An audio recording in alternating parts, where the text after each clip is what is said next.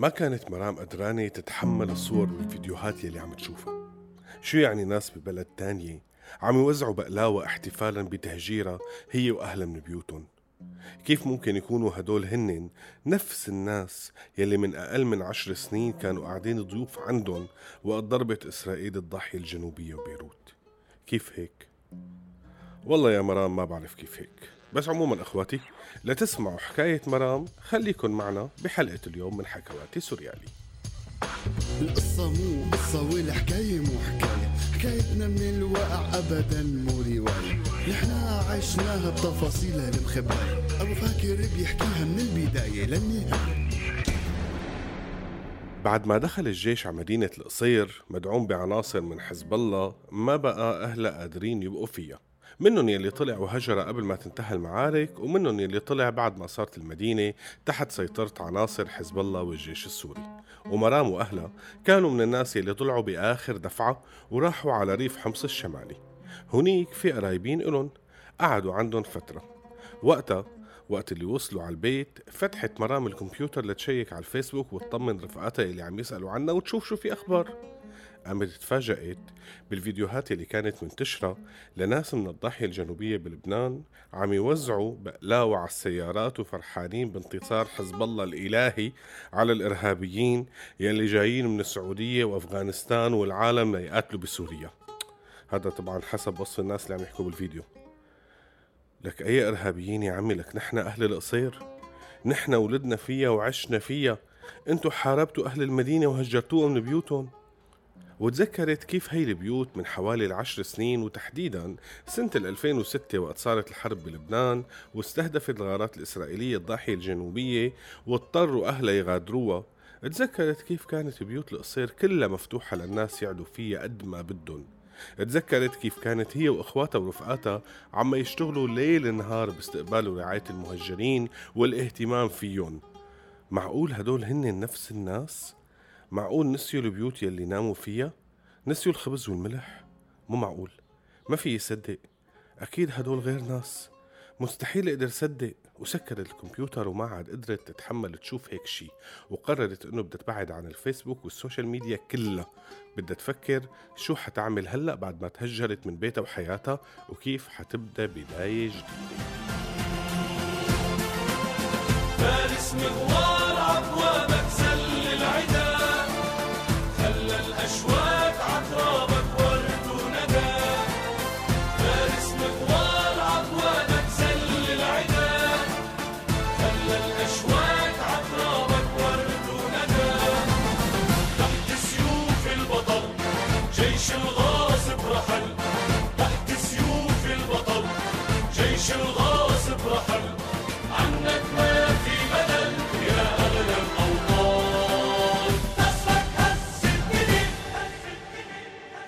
بلشت الأفكار والحسابات يكملوا هون أو يطلعوا برا البلد. بهديك الأيام كانت لسه طلعة تركيا واردة وسهلة. وكان هذا قرار مرام وزوجها. أهلها قرروا يبقوا بس هي ما عاد تقدر تعيش بعد اللي شافته. من تركيا كملوا طريقهم لأوروبا ووصلوا على ألبانيا وبلشوا وقتها عن جد بداية جديدة. هيك كان قرارهم. ما بدهم يخلوا يلي صار معهم يسيطر على حياتهم وتفكيرهم ولا بدهم يبقوا محبوسين بالأخبار والتطورات اللي عم بتصير بسوريا. بدهم يسكروا صفحة ويبلشوا صفحة جديدة تماماً. بلشوا طبعا بتعلم اللغة والتفكير بشغل ممكن يشتغلوا. وخلال فترة الدراسة عملوا حفلة بمدرسة اللغة يلي فيها جنسيات كتيرة وطلبوا من كل حدا من الطلاب يعمل أكل من بلده ويعرف الناس عليه. مرام والله ما كذبت خبر نزلت على هالسوق شافت شو موجود. رجعت على البيت مع علبة ملوخية يابسة وعلبة فريكة ولحمة موزات. وعملت طبخة ملوخية ورز وفريكة بلحمة الموزات. وحطتهم على الطاولة وقت الحفلة. وبلشوا الناس يدوقوا. وشوي شوي صاروا يلزقوا عندها وشوي شوي صار الكل ماسك صحن فيه يا ملوخية ورز يا أما فريكة ونازلين أكل. الكل حب طبخة لمرام وسألوها إذا كانت بتشتغل طباخة بسوريا. فضحكت وقالت لهم لا والله بعمري ما طبخت غير لأهلي بس يعني نحن كتار بالعيلة ومنزور بعضنا دائما فمتعودة أطبخ كميات كبيرة وبعرف عيارات هيك كميات. بعد السهرة أو الحفلة بشي شهر معلمة الصف طلبت من مرام تطبخ لها طبخة سورية بمناسبة عيد ميلادها لأنه جايين رفقاتها للأنسة عندها بعطلة الأسبوع وحابة تدوقهم من أكلات مرام. وعرضت هالموضوع بشكل شغل إنه يعني بتحاسبها بحق الأغراض يلي حتشتريهم وبتعطيها أجار على عدد الساعات يلي حتشتغل بتحضير الطبخ. وهون مرام ضحكت وخجلت وحلفت مليون يمين وعظيم إنه مستحيل تأخذ ولا فرنك لك عيد ميلادك هاد.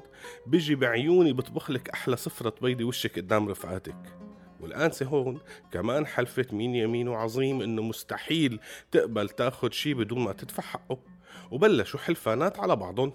هلا بصراحة ما بعرف كيف كانوا عم يحلفوا على بعض بالألماني بس إنه كانوا عم يحلفوا على بعض.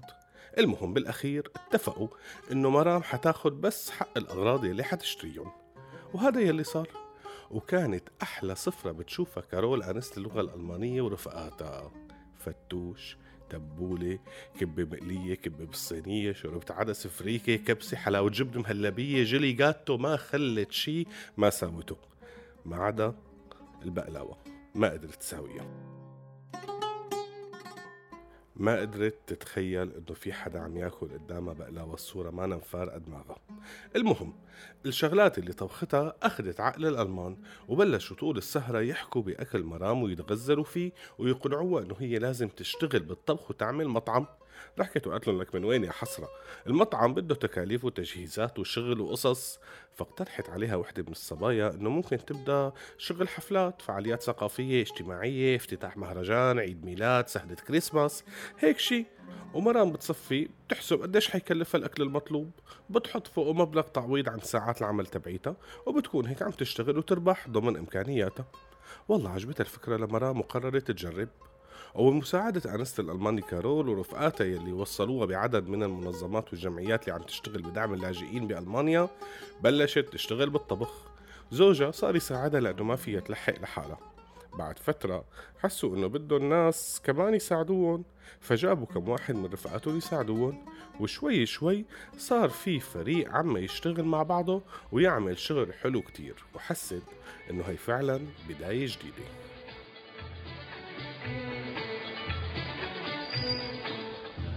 ابتدى ابتدى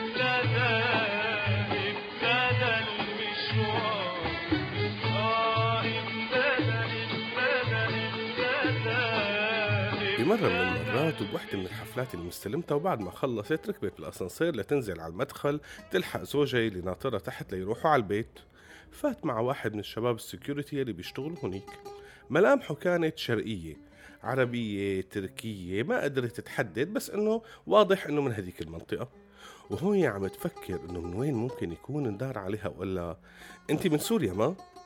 فقالت له إيه كيف عرفت؟ قال من حجابك حجابك سوري.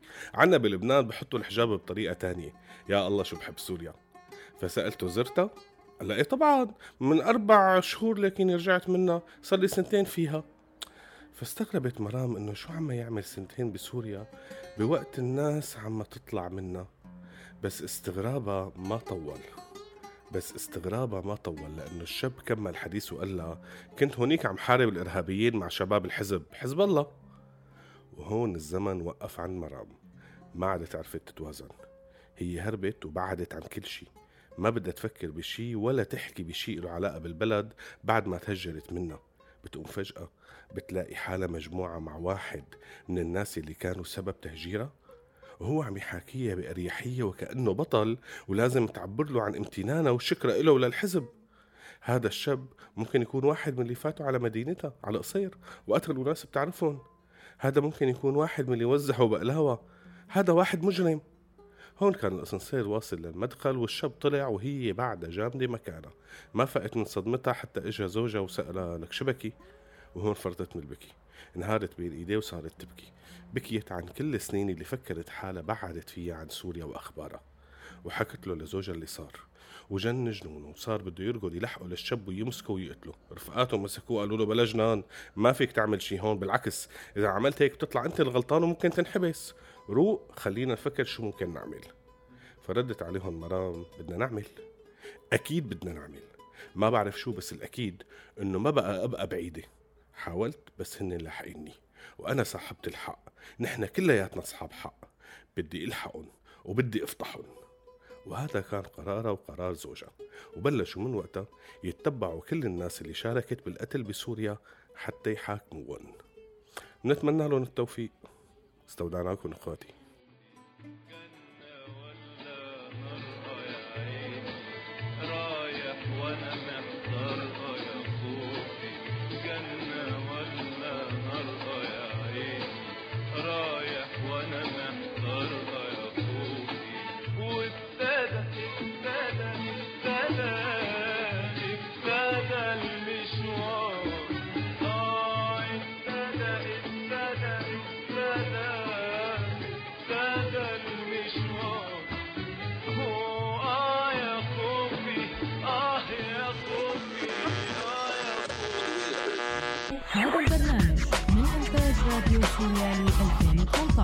I'm this small Radio Suriyeli